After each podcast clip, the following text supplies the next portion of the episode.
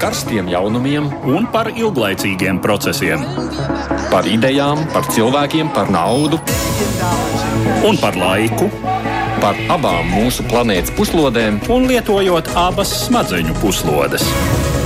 Ēterā raidījums divas puslodes.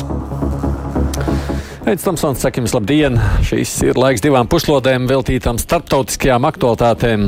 Otrs kolēģis Edvards Liniņš ir devies atvaļinājumā, tāpēc studijā darbosimies kopā ar uzaicinātajiem viesiem.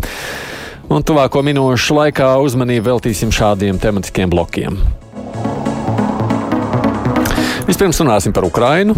Tad pēdējās dienās ir izcinājušies ir vairāki nu, pat ļoti būtiski notikumi. Vismaz pagaidām ir beigusies cīņa par Mariupoli. Tās aizstāvi tiek izvest uz Krievijas kontrolē esošajām teritorijām. Nu, ievainotie, jādomā, tiek aprūpēti slimnīcās, veselie faktiski nonākuši gūstā. Ukraiņas prezidents sacīs, ka tā ir bijusi vienīgā iespēja saglabāt azaviešu dzīvību. Nu, ir pārmaiņas arī frontē. Pie Harkivas šķiet, Krievi ir zaudējuši līdzīgi kā pie Kijivas. No pilsētas uzbrucēja atspiesta pat līdz valsts robežai. Pārējā Donbasā cīņas turpinās, un dažviet Krieviem ir izdevies nu, nedaudz pavirzīties uz priekšu. Nu, jārunā šodien noteikti par ilgi gaidīto Somijas un Zviedrijas izteikto vēlmu pievienoties NATO. Patiešām vēsturiski notikumi. Ziņu ir aizēnojusi Turcijas reakcija, kā paziņojas, ka bloķēs skandināvu pievienošanos. Tas izrādījās tā tāds negaidīts pārsteigums, ko tad īsti vēlas panākt Turcija, ko tas viss nozīmē. Nu, vajadzētu vēl pieminēt Eiropas Savienības nespēju pieņemt nākamo sankciju paketi pret Krieviju, ko ir nobloķējuši nu, pirmkārt Ungārija, bet nu, šie principi vispār pieņemt jebkuru lēmumu vienprātīgi daudz skaitina. Kāpēc tas ir tik būtiski, kāds gan šiem veto varētu visam būt sekas? Tie lūk, tad arī viss mūsu šīsdienas pārnājumie temati. Studijā kopā ar mani ir arī Nacionālās aizsardzības akadēmijas drošības un strateģiskās pētniecības centra direktors Toms Roštaks. Sveiks! Labdien! Un arī politologs Eikos Polītis. Labdien! Sveicināti! Un sākam vispirms ar jaunumiem no Ukrainas. Pirmdienas vakarā parādījās ziņas, ka Mariupolē aplenktie un ieslogotie Ukrainas Azov cīnītāji tiek ar autobusiem aizvesti. Krievijas mediji pirmie ziņoja, ka ievainotie tiek vesti uz separātistu kontrolēto Novazorsku, pēc tam to apstiprināja arī Ukrainas puse. Vakarā ar speciālu paziņojumu klajā nāca Ukraiņas prezidents Volodimirs Zelenskis. Viņš sacīja, ka tā ir bijusi vienīgā iespēja glābt azoviešu dzīvības. Šajā glābšanas operācijā, kā to nodēvējas Ukraina, esot iesaistītas gan starptautiskās organizācijas, tādas kā Sarkanais Krusts un ANO, gan arī Ukraiņas bruņotie spēki. Taču realitātē tas nozīmē, ka azovieši nu ir Krievijas kara gūstekņi. Tie, kuriem nepieciešama medicīniskā palīdzība, esot nogādāti slimnīcā, savukārt pārējie tiek aizvest uz speciālu nometni. Visas vienošanās detaļas nav zināmas, taču Ukraina cer vēlāk veikt gūstekņu apmaiņu un panākt kaujinieku atgriešanu Ukrainā. Vai tas būs iespējams, arī nav zināms. Krievijas izmeklētāji grasās azoviešus pratināt, bet valsts doma rosina pieņemt pat speciālu likumu, kas aizliedz apmainīt azovu cīnītājus. Ukraiņas puse pagaidām neko plašāk nekomentē. Situācija esot tik trausla, ka pat viens vārds varot visu operāciju izjaukt. Tikmēr frontes līnijā turpinās asas kaujas. Nespēdam iekarot Harkivu, Krieviem ir nācies pamazām atkāpties, Ukrainai atgūstot jau okupētās teritorijas, bet Krievijas armija visu savu enerģiju nu velta Donbasam, un tur notiek sīvas cīņas par katru kvadrātkilometru. Vispirms par aizvestiem atsevišķiem. Nu, Realtātē tā ir padošanās gūstā, vai ne? Protams. Mm, cita ceļa nebija. Nu, ja mēs redzējām, ka pāvests, ASV prezidents, Eiropas dažādu valstu galvas nevarēja to panākt, nu, kāpēc mēs domātu, ka kāds cits to varētu panākt? Mm. Ja būtu palikuši, tad visticamāk būs gājuši bojā. Jā. Nu, visticamāk, jā. Izdosies saglabāt šo cilvēku dzīvības, to kā liekas. Nu, šeit ir dažādas iespējas, un visu lēmumu, protams, ir Krievijas um, pārziņā. Bet, bet es domāju, ka pašreizējā situācijā tas bija diezgan saprātīgs solis, jo savu militāro funkciju viņi bija izpildījuši. Viņi ļoti ilgi piesaistīja pie Mariupoles lielu daudzumu Krievijas militāro vienību. Jā, tātad 20 tūkstoši karavīru. Un, faktiski kādā brīdī jau lielākā daļa no tiem karavīriem varēja doties uz, uz, uz, citiem, uz citām kauju vietām. Tāpēc nu, piesaistīt viņu vairāk neko daudz nevarēja. Teiksim, arī nu, tās kaujas spējas bija stipri pazeminājušās. Un, kas ir, manuprāt, ļoti būtiski, tad arī Ukraiņas iekšpolitikā nu, tad, jā, notiek karš, bet nekas jau nav beidzies. Jā, un, nu, nav tā, ka visa tauta ir vienota pilnīgi visos jautājumos. Un, es domāju, ka tie um, um, nu, Ukrāņu karavīri um, um, Mariupolē viņi kļuva par tādu ļoti karstu diskusiju objektu. Un, faktiski um, Ukraiņas valdība bieži tika apsūdzēta par to, ka, nu, ka viņi nedara pietiekami daudz, lai, lai viņus ap, lai izglābtu vai atbrīvotu. Un, uh, tad, uh, nu, šis ir tāds ļoti bīstams brīdis, kad um, nu, mēs nezinām, kā tas beigsies. Ja viņi tiek nošauti vai ieslodzīti uz ilgu laiku, un ja Krievija negrib īstenot uh, gūstekņu uh, apmaiņu, nu, tad tas, protams, būtu smags trieciens Ukraiņas valdībai, un Ukraiņas valdība jau neatbildēs ar tieši to pašu. Viņi nevar, viņi ir atkarīgi no rietumu valstu palīdzības. Jā, nu, teiksim, ja tiek nošauti kaut kādi 500 cilvēki, piemēram, vai vairāk simt cilvēku, uh, nu, tur ir ātra tiesa Krievijā, viņus uh, soda ar nāvi. Uh, nu, lēmums, nāves sods, nu, Ukraiņa jau jau neizpildīs nāves sodu līdzīgam skaitam Krievijas karavīru. Viņi to nevar atļauties vienkārši, un, un tas arī tas nebūtu pareizi. Ne, tas neko jā. nedot, jā.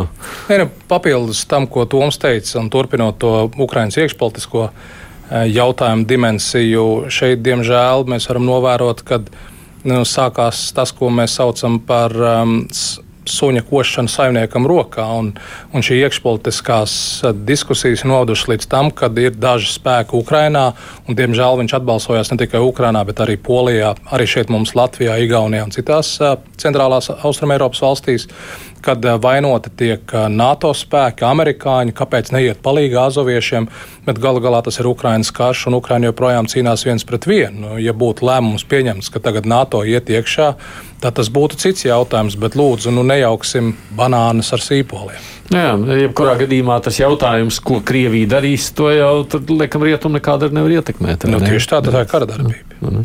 Šajā situācijā no otrs. No, Tas, ko saka Krievijas doma, ka viņi varētu aizliegt apmainīt Azovs kaujinieks, nu, tā ir tāda. Viņi to arī pieņems, un tā arī būs. Ne, ne. Jo tā ir diktatūra. Nu, tad jautājums tikai tāds, vai viņi nonāk cietumā, vai viņi nu, tiek no, nu, nāvsots izpildīts. Viņi šobrīd jau ir cietumā, filtrācijas nometnē, kaut kas līdzīgs nu, nu, cietumam, nu, un jautājums, vai viņi paliks dzīvi vai nē. Nu, pēc tiesas vienkārši. Nu, es, es domāju, ka um, ja viņi tiek nogalināti kaut kad tuvākajā laikā, tad tam varētu būt Krievijai ļoti negatīvs seks. Arī, jā, nu, tātad, uh, um, Krievijai jau šobrīd ir gana slikti, un uh, ja parādās ziņas, ka tie cilvēki tiek nogalināti, nu, ka viņi ir pazuduši, jā, viņus nav iespējams nekur saskatīt vairāk, uh, tad, uh, tad tas varētu būt uh, papildus faktors sankcijām, ieroču piegādēm, atbalstam Ukrainai.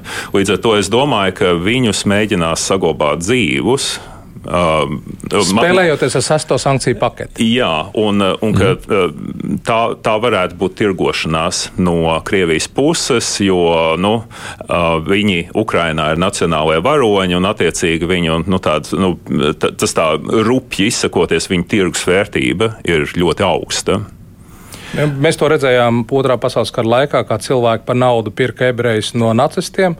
Nu, šobrīd būs jāpērk cilvēki par naudu no rašistiem. Nu, tur bija iesaistīta vismaz tā, to saka Ukraina, ka gan ANO, gan Sarkanais Krusts, nu, kaut kas. Pilnīgi viss ir iesaistīts, arī Turcijas Jā. prezidents. Vai tas nozīmē, ka kaut kas tajā, jo Ukraina paši nekomentē uh, to vienošanos, sakot, ka tas ir pārāk trauši, lai tur jau kādu vārdu bilstu.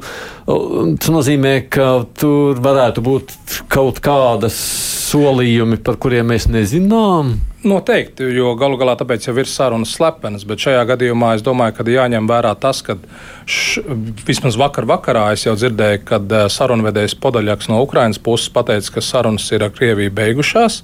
Un otra lieta ir tāda, ka, eh, ja mēs bijām pieraduši pēdējos 20 gadus, kad Krievija ir būvējusi varas vertikāli un visi lēmumi tiek pieņemti Kremlī vien vienpersoniski. Tad šobrīd izskatās, ka e, ir dažādi varas centri, un viens runā ar otru un nezina, kurš īsti lēmumus pieņem. Tā ir problēma runājot ar Krieviju šobrīd. Mm -hmm. Un te arī jāņem vērā tas, ka viņi visi nav azovieši ja Krievija ļoti mhm. grib, viņi var nu, ar dezinformācijas palīdzību viņus visus sabāzt vienā maisā, bet tie nav visi azovieši. Jā, tā, tā nav tā vienība. Jā, tur, tur ir dažādas, dažādas vienības. Mm -hmm. Līdz ar to Krievija tīri teorētiski varētu pieņemt arī īstenot tādu diferencētu pieeju. Um, atlaist vienus, paturēt citus, bet, bet tas ir viņu lēmums. Šeit ar, ar lielu ticamības pakāpi kaut ko prognozēt no mūsu puses, tad tas ir ļoti riskanti. Tagad Krievija varēs lielāku uzmanību veltīt Donbasam. Protams, bet šajā gadījumā varbūt mēs aizteiksimies diskusijai pa priekšu, bet nu, Stratēģiski Krievija šo karu jau ir zaudējusi. Tas, ka viņa tur operacionāli kaut kur kādās uh, kaujās vēl varētu kaut ko paveikt, jā, protams, bet viņi šo karu ir zaudējuši. Tu neiesteidzies priekš tādā ziņā sakot, nu, ka redz, no otras puses, ja to dzīvību kādu laiku jāsaglabā. Nu, tad ir cerība, ka varbūt tad, ja karš ir uzvarēts, tad arī var cietumnieks atbrīvot gūstekņus. Jā, nu, um, tāda jau abās pusēs arī bija doma, ka nu, ir, ir šie te, um, um, nu, sagūstītie karavīri, un tad uh, beig, beigās notiek uh, apmaiņa. Mm, kara beigās. Un, uh, vi, jā, visticamāk tas būtu kara beigās, un visticamāk tas būtu visi pret visiem. Nu, Neat, neatkarīgi no skaita. Un tad tie ir izglābti tomēr beig beigās. Ja tas tā notiks. Jā. Cerēsim. Jā, bet nu, tas, tas jau arī ir jautājums, kas viņiem tajā laikā vēl būs jāpiedzīvo. Jo gan jau, ka viņus um, izjautās, un um, gan arī diplomātisks par izjautāšanu. Jā, tas ir ļoti, ļoti pieticīgi pateikts. Mm -hmm. no, jā. Bet tomēr atgriežoties pie kara situācijas, nu, mēs redzam, pie Harkivas jau Krievi bijuši spiesti atkāpties. Harkivas kauja ir zaudēta. Jā, un tas notika šajās dienās diezgan strauji. Nenoliedzami. Un šajā gadījumā, ja runājam par to, ka Krievijas strateģiski ir šo karu zaudējusi, tad e, tam labākais arguments ir tas, ka viņi ir zaudējuši Ukraiņu spēkiem ar a, tikai viegliem a, rietumu ieroču a, palīdzības devām. Smagie ieroči vēl īsti nav sākuši dziedāt, un tie tikai šobrīd tiek trenēti un gatavoti, lai atbrīvotu Dienvidu Ukrainu. Pārāk liela fronts līnija, ka Krievija netika galā. Jā, nu, kara sākumā iecerē bija viena, bet, bet ar to ieceru bija tā, nu, ka labākais iespējamais iznākums Krievijai un sliktākais iespējamais iznākums nu, to šķīra faktiski naža asmens. Jo tikpat labi tā, um, tas zibens um, trieciens uh, pa, pa, Kievu. pa Kijevu viņš varēja tīri teorētiski izdoties. Nu, šobrīd šķiet, ka nu, nu, viņš taču nevarēja izdoties, bet, bet pirmajās dienās bija ļoti liela neskaidrība. Tur, nu, tur Ukraiņš pats teica, ka viņš jā, jau neticēja. Viņš teica, ne? jā, ka, ka, ka viņi neticēja, ka viņiem izdosies iziet cauri sveikā. Tā kā nu, jāskatās, kā, kā, tad, kā tad tālāk varētu iet. Es, es domāju, ka nu, šobrīd mēs esam tajā kara fāzē, nu, kad Krievija strateģiski zaudējusi operacionālu līmeni līmenī viņi panākums gūt vairs uh, nevar. Taktiskā līmenī viņi vēl kādu brītiņu var mēģināt virzīties uz priekšu, bet arī nu, tās vienības jau ir tik tālu novājinātas, ka viņas arī nu, vairs īsti nav kaujas spējīgas. Viņas var mēģināt kā, izvilkt ārā, mēģināt pēc tam salipināt kopā, esošajās vienībās integrēt cilvēkus, kas ir piecelts no dīvāna uh, un televizora jā, skatīšanās, un iemest viņus uh, kara apstākļos, bet, uh, bet tam nebūs nebūs uh, tāds liels efekts. Un mēs jau redzējām arī šeit pat uh, Luhanskā pie Berahorlevskas, kad viņi ziemeļu Donetskas upi mēģināja šķērsot. Arī šīs salipinātās vienības, un mēs redzējām, kas bija viņu liktenis. Gan arī vai 500 cilvēku aiz, jūs domājat, jūs domājat ka tas virziens Odessa kā mērķis jau ir jāatmet? Kopš Kreisera Maskavas došanās tur, kur viņš devās, tas ir beidzies. Bet neizskatās, ka Krievija būtu atmetusi Odesu. Nu, ja, ja šobrīd Kremļa diktators pats vada operacionālā līmenī kaujas, nu, tad rezultāts ir tas, kāds viņš ir. Odessa uh, ir nereāls mērķis. Um, es pieņemu, ka arī iziet uz uh, Doņetskas un Luhanskas administratīvajām robežām tas arī varētu būt neīstenojams mērķis. Turklāt pats Tajā gadījumā, ja viņiem vēl izdodas pavirzīties uz priekšu, nu, pa dažiem kilometriem, dažos virzienos, citos virzienos viņi atkal zaudē teritoriju, nu, kā pie Harkivas, tad ar to jau karš nebeigsies.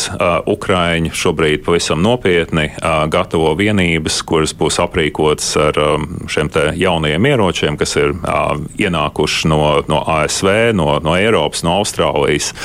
Un, um, nu, ja tas viss tiks pietiekami saprātīgi izmantots, tad um, es domāju, ka ir liels iespējas, ka Ukraiņi varētu atgūt zaudētās teritorijas, un tālāk ir jāskatās, kas notiek Krievijas pusē. Un nobeidzot to teikto, mēs šobrīd redzam, kā tiek Ukraiņas armija pārbruņota ar NATO militāro tehniku, un de facto viņi ir iestājusies NATO. Jā, ar optimistiem ir vienmēr patīkamāk runāt nekā ar pesimistiem.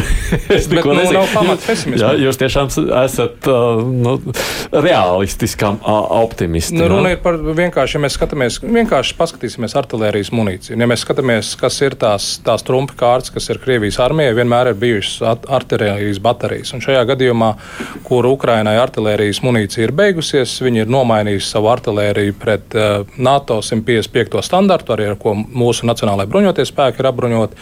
Nozīmē, visai Eiropas sabiedrotāji viņai var piedāvāt un nogādāt munīciju tik daudz, cik nepieciešams. Tas nozīmē, ka Doņetskiešiem jāsāk gatavoties karam. Noteikti. Un arī Krimai, es domāju, nu, pēc kādiem trim gadiem. Tie, kuri nav vēl iesaukt un krituši kaujās, nu. tad um, jā, visticamāk. Bet, bet protams, nu, tas, tas arī būs sarežģīti. Nu, šobrīd Ukraiņiem neiet viegli, jo Krievijas prus, uh, pusē ir uh, šis uguns pārsvars, uguns jauda uh, ir krietni lielāka. Um, tas varētu mainīties. Uh, pēc dažām uh, nedēļām, bet uh, ir jāsaprot, ka Ukraiņiem būs jāīsteno uzbrukuma operācijas, lai atgūtu teritoriju, un tur uzreiz ir um, nu, Krievijas puse var nu, nosacīt, sēdēt un gaidīt, um, un aizstāvēties it kā ir vienkāršāk. Un Ukraiņi arī, Ukraiņu nostāja, cik es saprotu, ir bijusi tāda, nu, ka viņi jau neies iekšā pilsētās, jo, jo tas nozīmētu, šis ir artilērijas karš, tas nozīmē pilsētas tikt nolīdzināts līdz ar zemi. Uh, tāpēc viņiem ir jāmeklē veidi, kā sakaut Krievijas bruņotos spēkus un tās separātistu vienības, uh, neiznīcinot um, tās uh, Doņetskas un Luhanskas um, pilsētas un apdzīvotās vietas. Mm. Nenoliedzam, izaicinājumi pastāv to, bet es domāju, ka šajā gadījumā Arestovičs savā ikvakara diskusijās ar Marku Feiginu, manuprāt, to ļoti skaidri pateica, tieši domājot par nākotnes kampaņu ap Melitopoli un Hersonu, kad viņi plāno viņus aplenkt un līdz ar to aizsardzības līnijas iznīcināt, jo Ukraiņiem ir tehnoloģisks pārsvars tagad, kad viņiem būs NATO uh, militārā tehnika un arī uh, šaušanas attālums. Vismaz divreiz pārsniedz Krievijas artērijas šaušanas attālumu. Līdz ar to viņi to jau arī šajā Ziemeļdoņaskas šķērsojumā pierādīja. Tā kā nu, skatīsimies, es domāju, ka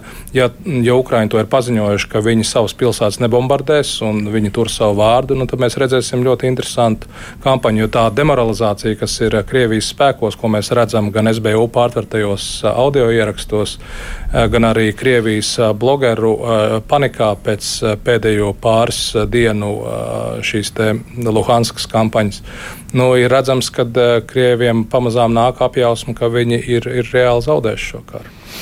Un pabeidzot tikai šo tematu, ķeroties tālāk nākamajam tematam. Uh, sarunu pārtraukšana no Ukrainas puses, apturēšana ir pareizs solis? Nu, taktiski, protams, tas ir pareizs solis, jo Krievija reāli vēlās šo pārtrauktu. Mēs redzam, ka Krievija ir visu savu aģentūru iedarbinājusi Rietumē Eiropā. Tā sakot, glābt Krievijas diktatoram seju un nezinu, ko vēl izdarīt. Tā kā tas noteikti ir veids, kādā veidā uzspiest uz Krieviju. Nu, tīri loģiski, beigās tur varētu būt kaut kāda vienošanās. No, tā jau bet, bet mēs vēl jā. neesam pie beigām. Vēl ļoti daudz kam ir jānotiek. Jo šobrīd, nu, ja, ja notiek sarunas, tad sarunām ir jānotiek situācijā, kad, kad uguns ir pārtraukta, ka, vai arī, kad neviena ne otra puse nevar pavirzīties uz priekšu. Tad sarunas var notikt, bet, bet Ukrainai tas nozīmē esošās situācijas uh, iekapsulēšanu, ie- iesaldēšanu, un tas viņiem ir absolūti nepieņemami. Saprotot tās zvērības, kas notiek okupētajās teritorijās, viņi pat tīri morāli nevar pieņemt to, ka viņi iesaldē esošo situāciju. Jo tas Jo nozīmē, sabiedrība, tas ir Ukraiņas sabiedrība, viņai to nepiedod. Jā, jā jo, jo beigu beigās jau atkal Ukrainā būs nākamās vēlēšanas, un tad, nu, kā, tad, kā tad jūs savējos pametāt Krievu varā? Notikumi Ukrainā, kā zināms, ir tie, kas radījuši arī milzīgas pārmaiņas Eiropā. Nu, to visvairāk var redzēt saistībā ar NATO. Šajās dienās ir noticis tas, ko daudzi cerēja jau vairāk mēnešu garumā. Mūsu netālie kaimiņi, Zviedrija un Somija, ir pieteikušās dalībai NATO. Ja pirms gada kāds sacītu, ka Somija un Zviedrija iesniegs pieteikumu NATO, daudz tam nespētu noticēt. Panācis to ir Krievijas prezidents Vladimirs Putins. Kopš kara sākuma Ukrainā gan Zviedrijā, gan it īpaši Somijā tautas atbalsts iestājai NATO pieauga tik rasi, ka valdošās partijas nevarēja ar to nerēķināties. Tādēļ abas valstis šodien kopā iesniedz pieteikumu. Zviedrijai, kas jau gadsimtus bijusi lepna par savu neutralitāti, šis lēmums bijis īpaši izaicinošs. Tomēr līdz ar šīm ziņām ir noticis vēl kas negaidīts. Turcijas prezidents paziņoja, ka bloķēs abu skandināvu valstu pievienošanos. Erdoganam nepatīk Somijas un Krievijas izrādītais atbalsts Turcijas kurdiem, kurus Ankara uzskata par teroristiem. Lai arī sākotnēji daudziem šķita, ka turku pretestību izdosies viegli pārvarēt, prezidenta Erdogana izteikumi liek domāt, ka viss nebūs tik vienkārši. Protams, būs sarunas, un gan jau Erdoganam kaut ko arī ietirgos, lai viņa pretestību salauztu. Tomēr pastāv iespēja, ka Somijas un Zviedrijas iestāšanās varētu ielgt. Protams, arī Krievija neslēp savu nepatiku pret abu valstu pieņemtajiem lēmumiem. Putins gan sacīs, ka Krievija skandināviem nebūs draudz, taču iestāšanās varot izprovocēt Maskavas atbildi. Tiesa, ko šie vārdi nozīmē un kas varētu būt iespējama atbilde, nav skaidrs. Divas puslodes! Atgādini, kopā ar mani studijā ir politologs Veikals Polīts un Nacionālās aizsardzības akadēmijas Toms Rostaks. Turcijas šis solījums nepieļaut Somijas un Zviedrijas uzņemšanu NATO nebija pārsteigums, jo tajā brīdī, kad es teicu par pārsteigumu, veikā kratīja ar galvu.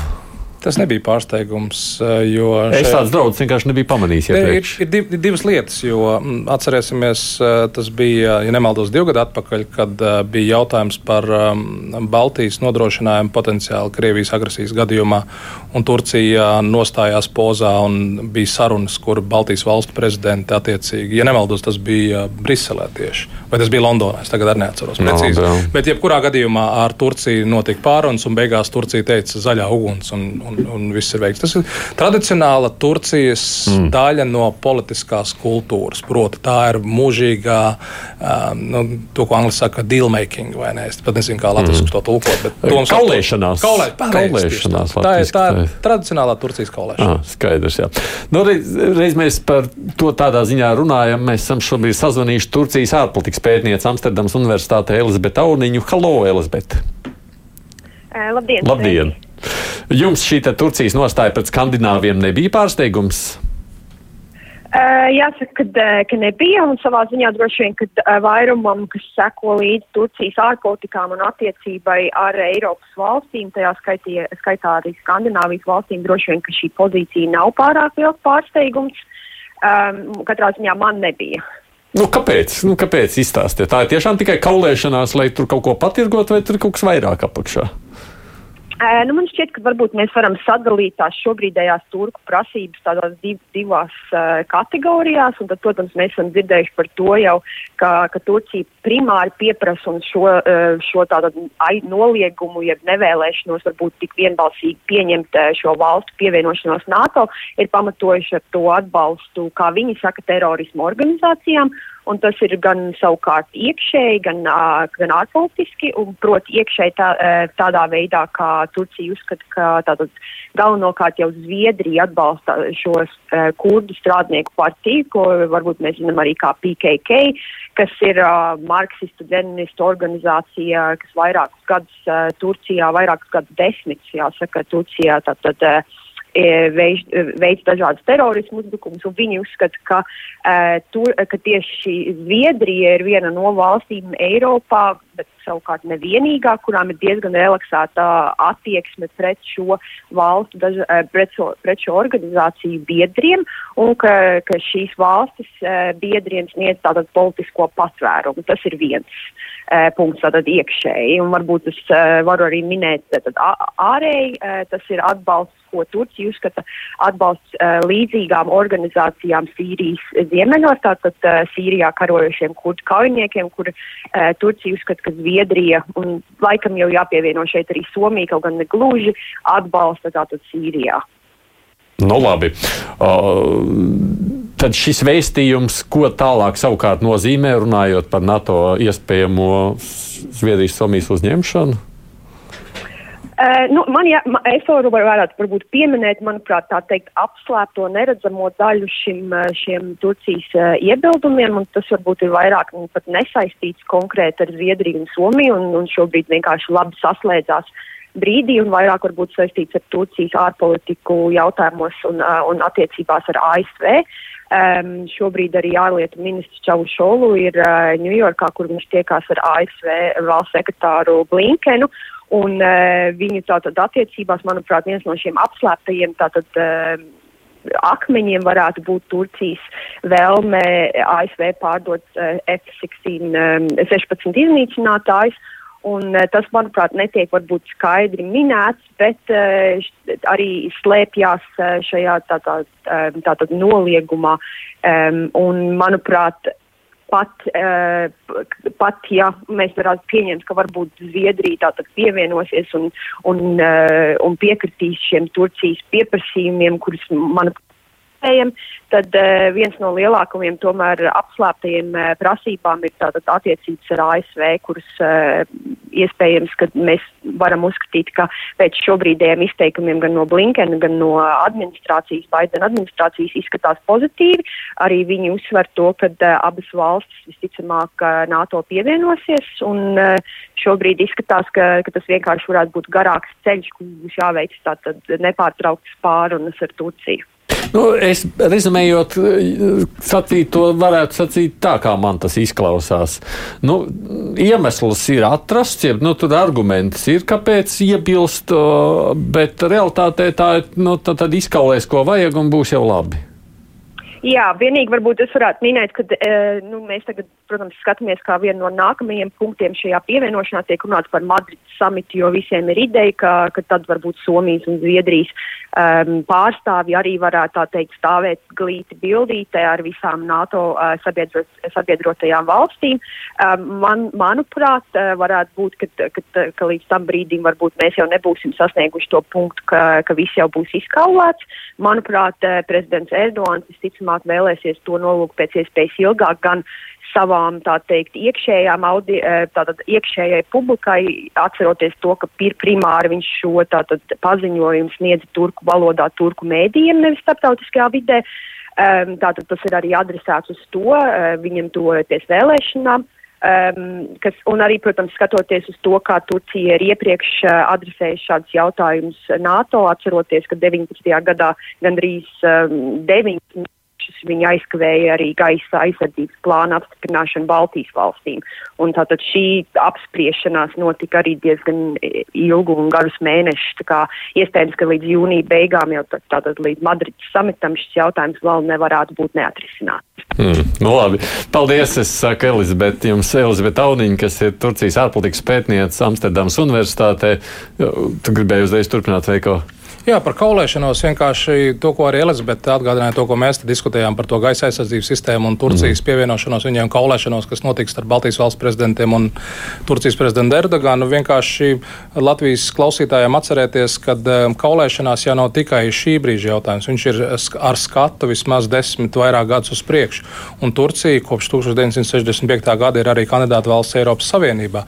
Un līdz ar to kaulējoties ar Baltijas valstīm noteikti tika iegūts garantijas, ka Baltijas valsts atbalstīs Turcijas iestāšanos Eiropas Savienībā, tā kā mēs tikko redzējām, kā Baltijas valsts atbalsta Somijas un Zviedrijas iestāšanos NATO. Un līdzīgi es domāju, ka kaulēšanās viens no subjektiem ir tas, ka iegūts Somijas un Zviedrijas atbalstu Turcijas nākotnē iestāšanai Eiropas Savienībā. Cikot, cik labi tāda Somija un Zviedrija sagādā Turkiem vismaz kaut ko. ko Jā, es, es arī gribēju piebilst, ka nu, principā mums ir pamats optimismam. Jā, nu šī ir kaulēšanās, tā situācija tiks atrisināta, un Turcija dabūs kaut ko no tā, ko viņa uh, vēlas. Uh, bet no otras puses, uh, ja mēs paskatāmies uz, uh, uz gadījumiem pēdējā gadsimta laikā, tad uh, nu, Lielbritānija abas pirmās reizes neveiksmīgi centās iestāties Eiropas Savienībā. Mm. Uh, un tikai pēc tam, kad Šārls de Gauls bija prom, tad, um, tad nu, Viņi, viņi beidzot iestājās. Un uh, tad, kad Maķedonija gribēja iestāties NATO, nu, viņiem valsts nosaukumu nācās nomainīt. Līdz ar to nu, uh, šīs ir tādas situācijas, kad uh, nu, Turcija saprot, ka, um, ka Somija un Zviedrija ir tādā īpatnējā situācijā, ka viņas ir izteikušas vēlmi iestāties, bet kamēr tas nav noticis, tad, um, tad, tad ir iespējams sakārtot atsevišķas lietas gan Turcijas attiecībās ar šīm valstīm, gan Turcijas attiecībās ar Amerikas Savienotajām valstīm.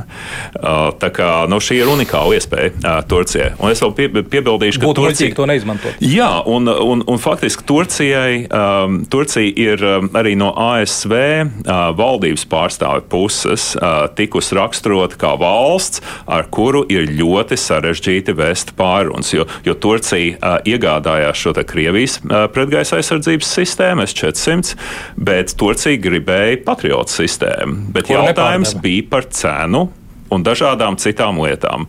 Un Turcija gribēja izkaulēt, un viņi nedabūja savu toreiz. Un tāpēc, viņi, um, un tāpēc uh, mēs, ir tā S-400 sistēma, un tāpēc Turcija tika izmesta no F-35 šīs programmas, un tagad tas ir mēģinājums faktiski tikt atpakaļ, mm. manuprāt.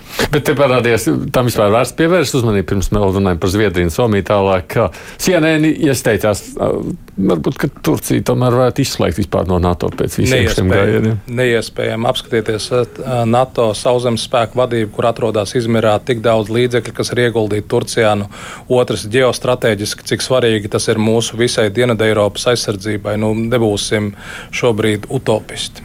Hmm. Bet runājot savukārt par uh, pašām abām valstīm, tas ir vēsturisks lēmums.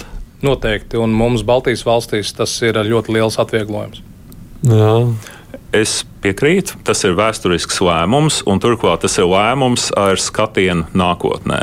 Jo šobrīd ir pilnīgi skaidrs, ka Krievija turpmākajā, nu, teiksim, tuvākajā nākotnē, pat vidējā termiņā, 15, 20 gadu. Jā, viņi, viņi ne, nekādā veidā īsti nevar apdraudēt Somiju un Zviedriju. Jā, tur runa par to, ka Krievija tagad kaut ko varētu darīt, nu, tas, tas ir pilnīgs blēņas. Bet paies kādi 15, 20, nu, vairāk vai mazāk gadi, un Krievija būs varbūt būs nosacīta atgriezusies atkal, kārtējo reizi. Izņemot, ja nenotiks eh, varas implozija. Jā, jā tad Krievijā var notikt pārmaiņas. Nu, tuvāko 10, 20 gadu laikā noteikti. Bet, ja tās pārmaiņas nenotiek, un ja Krievija atgriežas tādā veidā, ka. Kā nu, pirms kara ar Ukrainu. Jā, nu, ka, ka viņiem ir bijis kārtējais paz, pazemojums, um, rietumi viņus ir nodevuši, un vājuma brīdī Somija un Zviedrija ir iegrūdušas dunci mugurā Krievijai. Tad, uh, Kas ir iedomāti Krievijas meli? Jā, protams, bet, uh, bet, bet tas var notikt. Līdz ar to šī, šī Somijas un Zviedrijas kalkulācija ir nevis par tuvāko nākotni, bet par tālāko nākotni. Mm. Turcijas nostāja nenobaidīs? Es domāju, ka nē, un šajā gadījumā paturpinot to teikto, e, katram Latvijas iedzīvotājam derētu apskatīties uz Ziemeļ-Eiropas karti un uz šo dzelzceļa savienojumu no Murmanskas uz Pēterburgu un tālāk uz Maskavu. Tas ir vienīgais viņa savienojums ar viņu vienīgo atvērto uh, ostu, uh, un kas ir viņu ziemeļu flotes osta, kurā atrodas arī viņu kodola raķetes. Tā kā šajā gadījumā te ir reāls apdraudējums, kas rodas Krievijas ziemeļu ledus okeāna flotei, un otrs arī viņi ir izsaukuši uguni uz sevi uz visu šo dzelzceļa līniju no Mūrmanskas līdz Pēterburgai. Tā kā nu, šajā gadījumā Kremlis var vainot pats sevi, jo attiecības ar Somiju bija pragmatiskas, bet ja jau Somi pat ir šādu lēmumu pieņēmuši ar izaicinošu balsu pārākumu 200 mm -hmm. uh, locekļu Eduskuntā no 188 balsīm. Pār. Jā, jā. Mēs esam sazvanījuši savukārt Zviedrijā Eiropas Latviešu apvienības priekšsēdētāju Justīnu Krēsliņu. Halo, Justīne! Labdien, labdien! labdien. Kāds ir noskaņojums? Ko jūs jūtat, ko ļaudis saka par šo lēmumu pieņemto Zviedrijā? Vai um, es domāju, ka tauta, tauta Zviedrijā ir um, atvieglotāta, bet, bet nav pilnīgi viens prāts. Uh, šis ir bijis, es domāju, tautā, politikā pat vieglāks lēmums nekā tautā.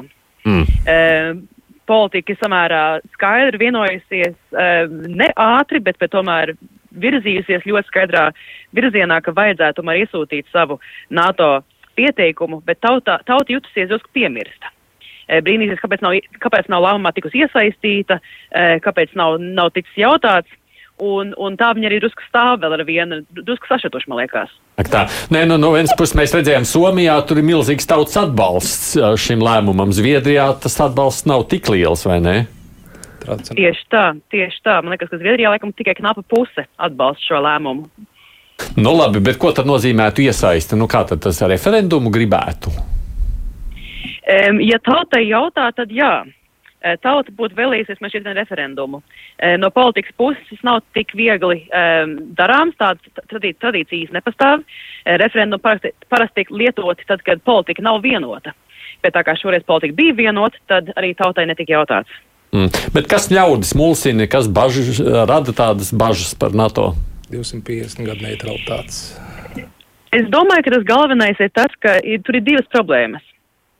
Um, pirmā problēma ir tāda, ka NATO tauta vienmēr ir asociējusi ar vienu kara aliansi un nav īsti sapratuši NATO jēgu kā arī viena miera aliansi īstenībā, viena aliansi, kas, kas, kas būvē un atbalsta mieru. Um, un otra problēma ir arī tāda, ka, ka tiek maisīti kopā jēdzieni neutralitāte un tas, ko angliski sauc non-alliance, kad Zviedrija stāvēs bez alianses. Um, un ja tic, ka Zviedrija būtu bijusi e, neitrāla, tad iestāties NATO ir milzīgs, milzīgs solis. Bet Zviedrija īstenībā nekad nav bijusi pilnīgi neitrāla. Viņa tikai nav bijusi aktīvi iesaistīta aliansēs. Viņai bija vienmēr ļoti skaidrs viedoklis. Uh, arī Ukraiņas kara ziņā, piemēram, viņai bija ļoti skaidrs viedoklis pat, ja viņa nav iesaistījusies NATO līdz šim. Mm. Vēl viens jautājums. Turcijas iebildes raisa kaut kādas emocijas Zviedrijā? Ne īpaši lielas. Es, um, no Zviedrijas puses īstenībā netic, ka Turcija varēs um, kaut kādā būtiskā veidā ietekmēt Zviedrijas iestāšanos NATO. Tas varētu to visu izvilkt garumā, saprotams, bet es domāju, ka no Zviedrijas puses NATO ir pietiekami kopā, pietiekami liela interese arī iekļaut Zviedriju un Somiju savā aliansē. Tā, tādēļ nav īpaši tādu pārmērīgi lielu uztraukumu. Mm. Paldies, es saku uh, Elizabetei, paldies jums par sarunu. Uh, Piedod Justīnai, Justīnai Kreisliņai, Latvijas Eiropas Latviešu politikas Latviešu apvienības priekšsēdētājai. Uh, es domājot vēl par šo visu, ir skaidrs, kāpēc Somijā krietni lielāks tas atbalsts un Zviedrijā tās šaubas vairāk sabiedrības pusē. Nu, no savas puses vienkārši tā ir vēsture un geogrāfija. Tātad pirmais nu ziemas karš, turpinājuma karš. Uh, tad ir um, koeksistence PSRS uh, laikā. Un, uh, līdz ar to uh, vienkārši Somija uh, pabeidza to, ko viņi neizdarīja 95. gadā, iestājoties Eiropas Savienībā. Un uh, otrs ir tas, ka nu, tīri pragmatiski Zviedri vienmēr varēja veģetēt uz uh, Somijas aizsardzību. Proti, mm. Zviedrijas austrumos Bufers ir Somija ir. un Somijas buferis. Mm, skaidrs. Jā, nu šajā situācijā man izskatās tā, ka ja Somija nestātos NATO, Zviedrija arī nestātos. Nu, tas jau bija arī viņi bija nolēmuši. abas Jā, nu, ir, ir, saprotams, ka tīri loģiski viņām būtu iestāties kopā šajā aliansē, bet, bet, bet ja Somija tik pārliecinoši neiet uz priekšu un tik straujiem soļiem, tad, tad Zviedrijā tas process ievilktos vai, arī vispār nenotiktu. Un, protams, piedos tev pārtraucu, un arī Gotlandes arguments nospēlēja. Un šeit varbūt Latvijas klausītājiem liekas jocīgi, kāpēc mēs runājam par Gotlandu, bet Gotlanda atrodas tikai mazāk kā 200 km attālumā No, no, Kaļiņgrads. īsti Austrumprūsijas, būsim precīzi. Jā, jā. Bet uh, jā, īstenībā, kāpēc vispār Somija iepriekš nebija kļuvusi par NATO valsts? Taču, uh, Nu, tā, tā ir ā, vēsture pēc ā, otrā pasaules kara. Ā, Somija. Um, Sadarbības un uzticības līgums ar PSRS. Jā, nu, tie, tieši, tieši tā, bet tā bija piespiedu izvēle ļoti lielā mērā. Somija nevarēja atļauties nekādus tādus brīvākus manevrus ārpolitikā, bet, bet, bet Somijai laika gaitā arī bija tā un, un nemazinājās tā sajūta, ka viņi var stāties pretī Padomju Savienībai, viņi noteikti var stāties pretī Krievijai. Tad tur ir um, lieli, skaitliski labi aprīkoti bruņotie spēki.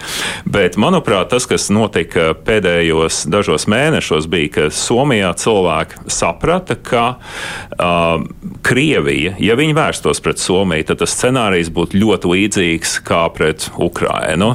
Tātad konvencionāls iebrukums un draudi ar kodolieročiem jebkurai valstī, kur gatavotos palīdzēt Somijai palīdzētu Somijai, bet neiesaistītos ar personālu. Līdzīgi kā tas notiek šobrīd uh, Ukrainā. Ar lieliem cilvēku resursu un infrastruktūras zaudējumiem. Jā, un, uh, un šāds konflikts, pat neatkarīgi no iznākuma, pat ja Somija beigu beigās nosargā savu neatkarību, pat ja viņi spēja atjaunot savu teritoriālo integritāti, tie zaudējumi ir briesmīgi tā cena, kur viņiem nāktos maksāt šādu konfliktu ietvaros, vienkārši ir par augstu. Un šeit mēs tāpēc redzam, kāda ir NATO nozīme atturēšanas politikā. Mm. Jā, lai šāds konflikts nekad, Kad nekad nenotiktu. Tad Krievijas kaut kādas minus runas par iespējamo atbildi. Nav nekādas atbildes. Nav. Prezidents jau pateica, ka nu, tikmēr, kamēr tur nav kaut kāda milzīga NATO infrastruktūra, vai ko tas arī nozīmētu, tad nekādas atbildes Jā, nebūs. un šeit papildinot to un teikto, patiesībā Krievijas paziņojumiem arī nav īsti nekāda vērtība, jo tā, tie meli, mēs nezinām, kad viņi sākās un kad viņi beidzās. Un tas, Nu, ka kodolieroči ir izlietoti Austrumprūsijā un arī uz Somijas austrumu robežas, jau apvainojot viņus, ka tagad varētu NATO infrastruktūra izplesties. Mēs jau to dzirdējām Baltijas valsts gadījumā. Viņi jau, viņi jau spēlē ar to NATO infrastruktūru, aizmirstot, ka arī Latvijas bruņotie spēki ir daļa no NATO. Kā piemērs. Bet mēs esam laimīgi par viņiem NATO, vai ne? Protams. Tur Jā, jā, jā, Šobrīd tas- Baltijas tas jūra kļūst mūsu drošību. Un Baltijas jūra kļūst par NATO iekšējo jūru. Runājot par visiem šiem veto un kaulēšanos, ko mēs Turciju pieminējām, ir jau bijis vēl kaut kādas kaulēšanās šajā nedēļā. Te ir runa par Eiropas sasto sankciju paketi pret Krieviju. Nu, pēc divu nedēļu ilgām diskusijām izskatās, ka nu, tās sarunas arī beigušās ar neveiksmi. Pirms pāris nedēļām Eiropas komisijas prezidente Urzula Fondera Lejena sacīja, ka nešaubās par Eiropas valstu spēju pieņemt sesto sankciju paketi pret Krieviju. Tomēr pēc pāris nedēļu intensīvām sarunām šonadēļ Eiropas komisijā nācās atzīt, ka šķiet vienošanos neizdosies panākt. Iemesls tam ir Krievijas nafta. Šī sankciju pakete paredzēja pakāpenisku atteikšanos no Krievijas naftas. Vairākas valstis paziņojušas, ka ir pārāk atkarīgas no tās, lai spētu tuvākajā laikā pārorientēt savu tirgu. Viena no zināmākajām pretiniecēm ir Ungārija, kura pat pieprasījusi 18 miljardus eiro lielu kompensāciju balsojumam par jaunajām sankcijām. Ir arī citas valstis, kuras tik ātri nespētu mainīt naftas piegādātājus. Sarunas gan vēl turpinās, un dalību valstis pašas pamazām apņemas atteikties no Krievijas piegādēm. Vācija, piemēram, ir paziņojusi, ka pārtrauks Krievijas naftas izmantošanu līdz gada beigām. Tikmēr parādās ziņas, ka paralēli sāktas diskusijas par nākamajiem soļiem. Ja šobrīd nafta ir kļuvusi par klupšanas akmeni, tad nākamais sarunu rauns varētu būt par iespēju Eiropā atteikties no Krievijas dabas gāzes. Tiesa nekas neliecina, ka šo lēmumu izdosies pieņemt vieglāk. Kādām sajūtām jūs uztverat šīs ziņas par Krieviju un naftu? Ar dalītām sajūtām, jo no vienas puses šis ir tāds morāls apskaidrības brīdis, ja, kad ir jādara viss iespējamais, lai palīdzētu Ukrainai, un ir uh, Krievijai jāsit militāri, un ir Krievijai jāsit ekonomiski. Un, uh, tāpēc ir diezgan sāpīgi, ka dažas valsts kā, Uh, no vienas puses, viņu atkarība no Krievijas naftas uh, ir reāla. Uh, iespējas diversificēt ir, uh, nu, tas, tas ir sarežģīti. Tas arī prasa naudu. Um, bet, Laiku un laiku. Un tieši tā. Uh, bet no otras puses, tomēr uh, gribētos lielāku vienotību un gribētos lielāku izlēmību. Jo brīžiem šķiet, ka, ka problēma ir ne tik daudz e, naudā vai iespējās diversificēt, kā, kā tas, ka ir tāda nevēlēšanās to, to darīt. Un, uh, un līdz ar to tie, tas, man ir tāds divējāds izjūts. Bet No otras puses, es gribētu piebilst, ka nu, tātad, primāri svarīgi šobrīd ir tas, kas notiek um, militārajā laukā, Ukrajinā. Tātad šo karu neuzvarēs sankcijas, šo karu uzvarēs um, ieroči un cilvēki, kurš šos ieročus pielieto. Un uh, kas man arī vieš uh, diezgan lielu optimismu, ir, ka pakāpeniski uh, Eiropas valsts, jebkurā gadījumā, neatkarīgi no tā, ko darīs Ungārija vai kāda cita valsts, viņas kāps nos no Krievijas naftas un gāzes adats. Un, kas ir, manuprāt, vēl svarīgāk ilgākā laika posmā, ir tas, ka ir šis aizliegums uz tehnoloģiju eksportu Krievijai. Uh, Krievija ir ļoti atkarīga no rietumu tehnoloģijām, gan augstām, gan netik augstām. Uh, un uh, ilgākā laikā tas Krievijas ekonomikai būs daudz, daudz lielāks sitiens. Nekā, mm. nekā šīs sankcijas. un tomēr par sankcijām, naftu un gāzi runājot. Jā, turpinot uh, un piekrītot tom argumentiem, šeit ir arī otra lieta, ko spēlē sevišķi Vācija, Francija kura mēģina šeit nezinu kādiem līdzekļiem glābt Krievijas diktatoru seju, aizmirstot par to, ka uzvaru kaujas laukā noteiks, kāds būs Eiropas kontinenta liktenis. Ir otra lieta, ka patiesībā šis arguments patiesībā ir derīgs, kad ja mēs tagad visi vienā sitienā atteiksimies no naftas un gāzes, tad vienkārši naftas un gāzes cenas celsies tik augstu, ka Krievija pat ar tik samazinātu skaitu, viņi tik un tā pelnīs šo miljārdu dienā.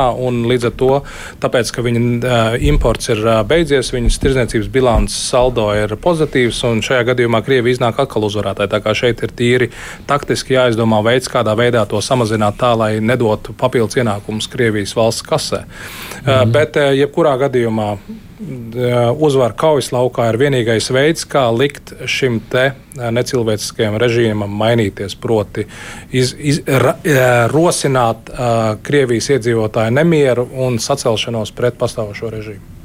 Tas, kas, protams, paralēli parādās mūžīgais jautājums par to vienprātības principu. Nu, NATO vienprātības princips Eiropas Savienībā. Nu, ne, nav, nu, nav tā vienprātība pieminētā. Nu, mēs visi atrodamies vienprātības meklējumos. Um, tas, ka ir. Um, nu, ka ir tie brīži, kad ir kāda viena vai vairākas valsts, kuras īsti neiekļaujas tajā uh, vienprātībā, un tad līdz ar to viņas nav. Um, nu, tomēr ir diezgan svarīgi, ka lielākā valstu daļa tomēr domā diezgan līdzīgi, un, uh, un tā kopējā izpratne veidojas gan NATO ietvaros, gan arī uh, Eiropas Savienības ietvaros. Bet, protams, no centrālās un austrumēropas valstu perspektīvas, jo īpaši no Ukrainas perspektīvas, ir nedaudz um, sāpīgi tas, ka neatkarīgi no tā, cik daudz sarkanās līnijas Krievija pārkāpj, vienmēr ir tas instinkts, nu, ka tomēr varbūt atgriezīsimies pie saruna galda, um, sarunāsim pamieru. Nu, varbūt uh, Ukraina arī kaut kur uh, piekritīs un piekāpsies. Krievija piekāpsies, un gal galā tās teritorijas jau tāpat sabombardētas, un, un, un tāda, um, nu, notiek tāda tirgošanās ar Ukrainas teritoriju, kas no mūsu viedokļa šeit, centrālajā un austrumē Eiropā, ir neiedomājami kaitinoša. Hmm. Bet uh, varbūt no tā vienprātības principa vajag atteikties. Nē, no vienprātības principa nevajag atteikties, eh, jo, nu, protams, šajā gadījumā NATO ir pierādījusi vairāk kā 70 gadu vēsturē, ka viņi ar šo vienprātību ir spējusi tomēr vienoties, mm -hmm. jo lielākā NATO dalību valsts vienmēr ir bijušas vērtībās balstītas un vienādi domājušas. Šobrīd Ungārija ir kā izņēmums. Un eh, arī mēs redzam, ka patiesībā Urzulas Fonderlejenas vizīte Budapeštā parādīja, ka viņi ir eh, gatavi uz kaulēšanos kārtējo reizi. Tā kā šajā gadījumā, protams, ilgtermiņā eh, tas ir, protams, sitiens pašai Ungārijai. Ungārija ilgtermiņā nevarēs nopietni uztvert. Tā kā šajā gadījumā, protams, Orbāns Viktors sevišķi nerēķinās ar Ungārijas ilgtermiņa interesēm, viņam paša kabata ir tuvāka. Bet tas, ka vienprātība tiks sasniegta, es esmu pilnīgi pārliecināts. Jā, es gribēju piebilst par to vienprātības principu, nu, ka mums ir jācenšas šis princips sasniegt, bet tajā pat laikā jāatcerās, ka tas process vienalga iet. Nu, pareizajā virzienā, mums vēlmajā virzienā, un ka ļoti daudzas lietas ir, uh, ir mainījušās pēdējo mēnešu laikā. Daļa jau uh, no, no tā, kas. No tiem jautājumiem, kas mums ir svarīgi. Uh, tur jau izmaiņas notika pēc 2014. gada. Tiesa gan nu, ir, ir jāņem vērā tas, ka daļa mūsu partneru joprojām turpināja Krievijai piegādāt dažādas tehnoloģijas, kuras tika izmantotas, lai nogalinātu Ukraiņus. Mhm par ko mums droši vien nevajadzētu uh, aizmirst. Bet no otras puses, šis arī uh, vienmēr ir tas arguments, kur mēs varam uh, izmantot, nu, ka mums tomēr bija taisnība. Uh, nevis, uh, nevis dažiem mūsu kā, lielākiem un kompetentākiem un pieredzējušiem partneriem. Un patiesībā šajā gadījumā vēl kā ķirsis uz putukrējuma, Baltijas valsts gadījumā mums pat šī konflikta apstākļos vēl neparedzēti Somijas un Zviedrijas iestāšanās NATO vēl kā papildus drošības elements. Tas, jā, nu, vienīgais par tiem veto runājot, neko jau laikam nevar pret kādas valsts grib arī uzspiest, vai ne? Pat ja mēģināt, nu ko tur nav. Nu, Eiropas Savienības ietvaros ir bijušas diskusijas par to, vai ārpolitikā nevajadzētu pāriet pie principa, ka ir nevis pilnīga vienprātība, bet ka ja viena valsts iestājās pret, uh, pret šo te konsensusu, tad tas neaptur. Jā. Protams, tur ir citi jautājumi, kas tad ir saistīti. Jā, nu, ja tas lēmums tieši ietekmē to vienu valsts, tad ko ar to iesākt? Jā? Uh, bet, bet, bet, bet ir doma par to, ka arī ārpolitikā vajadzētu pamazām virzīties prom no pilnīgas, no pilnīgas vienprātības. Te, te ir divas atšķirības. Es pilnīgi piekrītu šim argumentam, ko Toms minēja, bet atcerēsimies, ka ja NATO šādas ambīcijas nav, tad Eiropas Savienība nav vairs vienkārši startautiska organizācija, bet vēl nav arī federāla valsts vai konfederāla valsts, bet viņai ir ambīcijas uz kļūšanu par konfederālu valstu. Un viss aprises kopš Māsariktas līguma ratifikācijas 1993. gadā uz to virza. Tā kā to, šo aspektu arī neaizmirsīsim Latvijas mhm. klausītāji. Un beigās pabeidzot tomēr par tām pašām sankciju lietām, kaut kā tur jau nebija tikai nafta, tur bija citas lietas. Kaut kāda sankciju pakete būs tomēr? Nezināt. Es domāju, ka noteikti būs jautājums tikai, kādā veidā viņi beigās vienosies, jo tas pamata arguments ir tas, ko es arī mazliet iepriekš minēju par to, ka, ja mēs pārtraucam naftas un gāzes iepirkumu, kā lai neizraisītu šo mm. cenu lēcienu, kas nodrošinās Krievijai ienākumus neatkarīgi no mūsu lēmumu. Bet dabas gāze jau vēl diskusija objekts tikai šķiet būs. tur kaut kādas arī vienošanās vispār ir iespējas. Nu, es, es domāju, ka ilgākā laika posmā jau tāpatās ir, ir skaidrs, nu, ka nu, Krievija uzticēties nevar. Uh, un tāpēc uh, nu, gan, gan Krievijas naftas, gan uh, nu, faktiski Krievijas naftas piegādes jau ir šobrīd samazinājušās. Nu, Viņas ir tādā, nomainījušās ar Saudārābiju, Kataru un citām valstīm. Jā, bet, bet nu, Krievijas naftas eksports vispār ir samazinājies, jo tur ir ļoti, ļoti daudz faktoru. Tur, piemēram, par tiem tankuģiem, kur pārvadā naftu, ka, nu, ka neviens Nekraujā, negrib jā. ņemt Krievijas mm -hmm. naftu, vai tur tie tankuģi netiek ielaisti, tankeri netiek ielaisti kaut kādās ostās. Vienkārši tas, tur ir virkne sarežģījumu. Un faktiski pie, par sankcijām runājot, tad tur ir tā, ka, ka viena lieta ir tās formālās sankcijas, kas ir pieņemtas un kas mums ir nu, jāpilda, bet otra lieta ir, nu, kad nu, ļoti daudz jau skatās uz Krieviju citādāk. Nu, nu, nebija jau McDonaldam jāaiziet no Krievijas. Jā, nu, die, die, diez vai, diez vai, vai bija tāds lēmums, jā, bet, jā. bet tas ir paša uzņēmuma lēmums. Un tātad uzņēmēji uzskata, nu, ka Krievijas tirgus nav perspektīvas, viņiem ir grūti tur strādāt, tas ir slikti viņa reputācijai un tā tālāk. Būtiski Krievija ir atgriezusies kaut kur 1985. gadā. Nacionālās aizsardzības akadēmijas drošības strateģiskās pētniecības centra direktors Toms Rostaks un politologs Veikals Polīts. Paldies jums abiem par piedalīšanos. Paldies tev, Paldies par sarunu. Producents mums ir Evi Junāma. Nu, šodien divas puslodes līdz ar to izskan. Mēs tiekamies ētrā pēc nedēļas. Būs atpakaļ, cerams, Edvards Liniņš. Lūkosim, kā notikuma attīstās. Divās puslodēs vienmēr būs par ko runāt. Divas puslodes.